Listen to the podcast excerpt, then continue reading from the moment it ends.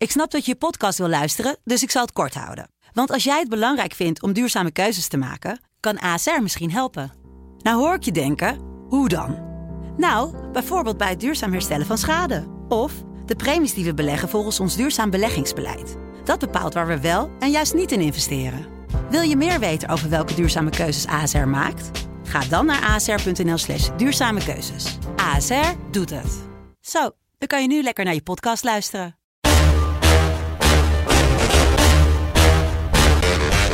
Dit is Trick Privé. De dagelijkse showbiz-update met Evert Zandgoeds en Jordi Versteegde. Ja, op de day after kunnen we wel zeggen, Evert. De day Nou. after het grote nieuws van Marco. Ja, hoe heb je de rest van die dag gisteren nog beleefd eigenlijk? Nou, het was veel, hè? Het was wel heel erg veel. Ook de niet-showbiz gerelateerde programma's, die eh, pakken er behoorlijk mee uit. En dan te bedenken dat dat eigenlijk pas het nieuws was, dat het nu pas ging beginnen. Dus eh, ja, als je nagaat, als dit nog een jaar gaat duren voordat die zaak voorkomt, dan denk ik dat het publiek er al moe van is voordat het zover is. Aan de andere kant, ja, de val van zo'n grote ster, dat hebben we niet eerder meegemaakt in dit land. Nee.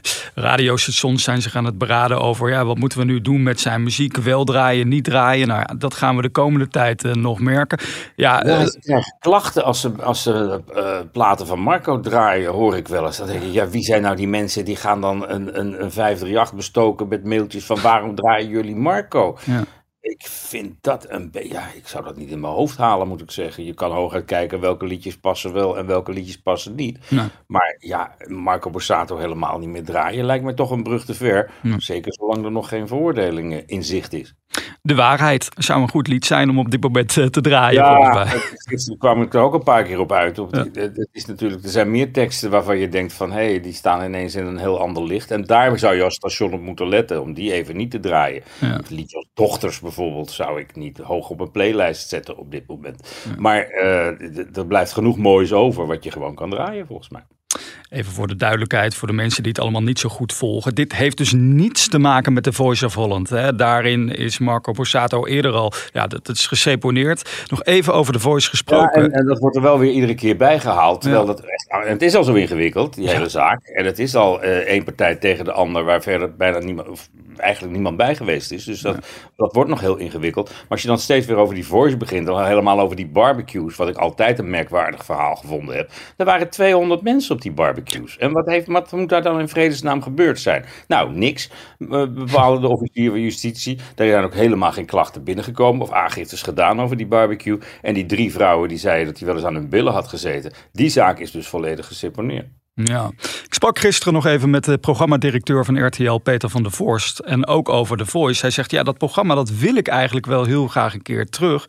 Maar voorlopig eh, gaat dat niet gebeuren, zolang natuurlijk dat, dat onderzoek en die zaken nog loopt. Dus we moeten daar nog even op wachten. Maar vind jij dat dat programma uiteindelijk ooit terug kan keren, The Voice? Ja, natuurlijk. En iedereen die roept dat het allemaal zo lang duurt, die hele zaak, en dat justitie er zo lang over doet, dan denk ik, zit je eigen onderzoekbureaus eens even achter de, achter de, achter de vodden aan. Dan kan die voice natuurlijk moeiteloos terug. Een nieuwe jury, nieuwe, nieuwe gezichten. eh, de mensen die, van alle, die niets mee te maken hebben, die kunnen blijven. Anderen die krijgen, die krijgen een vervanger. En dat kan een van de meest succesvolle programma's van de Nederlandse televisie, een van de meest succesvolle exportproducten van de Nederlandse televisie bovendien, natuurlijk gewoon weer op, op, op, op zender. Het mooie is dat het ook geen olievlek geworden is. Hè? Er was een rel in Nederland, nou toen ook in Duitsland, toen ook in Frankrijk. Nee, helemaal niet. Het heeft zich hier afgespeeld. En om nou in alle landen de voice te hebben, behalve in Nederland, door dit, ja, schoon de boel op Ja. en ga weer door, zou ik zeggen. Dat is ook precies wat Peter zei. Hij zegt, En het is... op met je eigen onderzoek ook. Dus.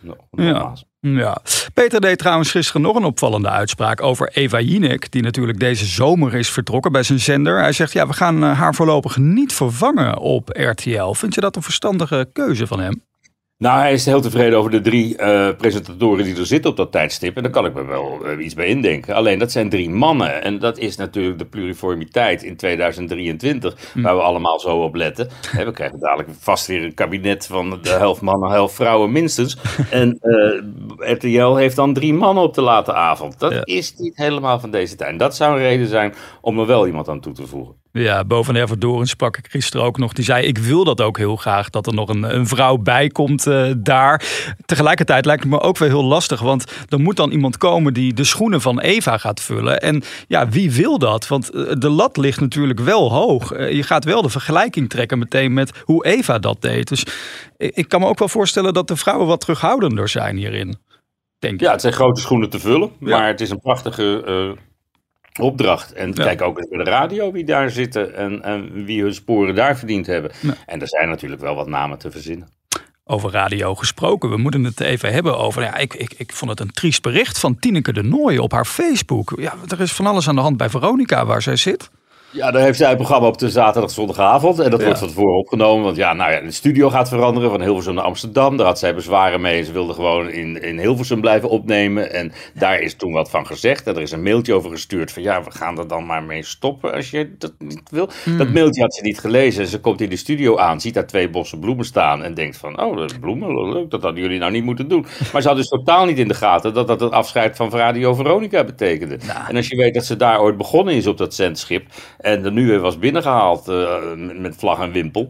Dan uh, is dat een beetje een merkwaardig einde aan de radiocarrière van Tineke de Nooi. Ja. Maar ze doet er heel luchtig over op haar eigen Facebook. En ze zegt, dit was Veronica. en uh, ja, nou ja, ze is al zo vaak ergens teruggekomen. Ook na de afscheid van, van Omroep Max. Ja. En misschien moet Jan Slachter maar eens over zijn hart strijken. En dat daar toch gewoon weer in blijven. Ja. Want het stemgeluid van Tineke de Nooi op de radio... dat kunnen we toch eigenlijk niet missen na 60 jaar. Zoals Tineke de Nooi is er maar één. En ook zoals Patty Bracht is er maar één. En dat is ja. misschien ook wel een reden waarom er een dramaserie over haar leven wordt gemaakt. En dat er maar één is, want het is veel. Het, ik weet niet hoeveel afleveringen er komen, maar je kan er een feuilleton van maken. Zeg. Het is echt ja. wel een goed idee, denk ik, om het kleurrijke leven van Patty Bracht te gaan verfilmen. Ja. Ze hebben daar twee actrices voor gevonden die dat gaan doen. Eva van der Weideven en uh, Holly May Brood.